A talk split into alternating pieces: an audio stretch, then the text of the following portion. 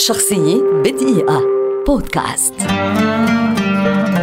أندريا بوتشيلي مغني أوبرالي وكاتب أغاني ومنتج موسيقي وعازف إيطالي ولد عام 1958 فقد بوتشيلي بصرة إثر إصابة نتجت عن لعبة كرة القدم بعد أن كان لديه ضعف وراثي في البصر يؤدي بشكل تدريجي إلى العمى. درس القانون في جامعة بيزا وتخرج محاميا منها استجابة لرغبة والده ولكنه لم ينسى شغفه بالموسيقى. فبعد سنة من عمله كمحام بدأ بأخذ دروس في الموسيقى على يد المايسترو لوتشيانو بيتريني ليتفرغ بعدها كليا للموسيقى.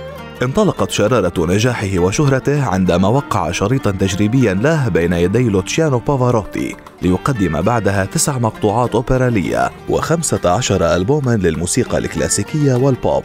ويحقق مبيعات تجاوزت 90 مليون نسخة من ألبوماته حول العالم. ينسب لبوتشيلي الفضل في إعادة الموسيقى الكلاسيكية للتربع على عرش قوائم الموسيقى. ومن أشهر أغانيه Time to Say رومانزا باي إنريكو كاروسو وغيرها الكثير. إنه حقا كما يصفه ديفيد فوستر صاحب أجمل صوت في العالم. شخصية بدقيقة بودكاست.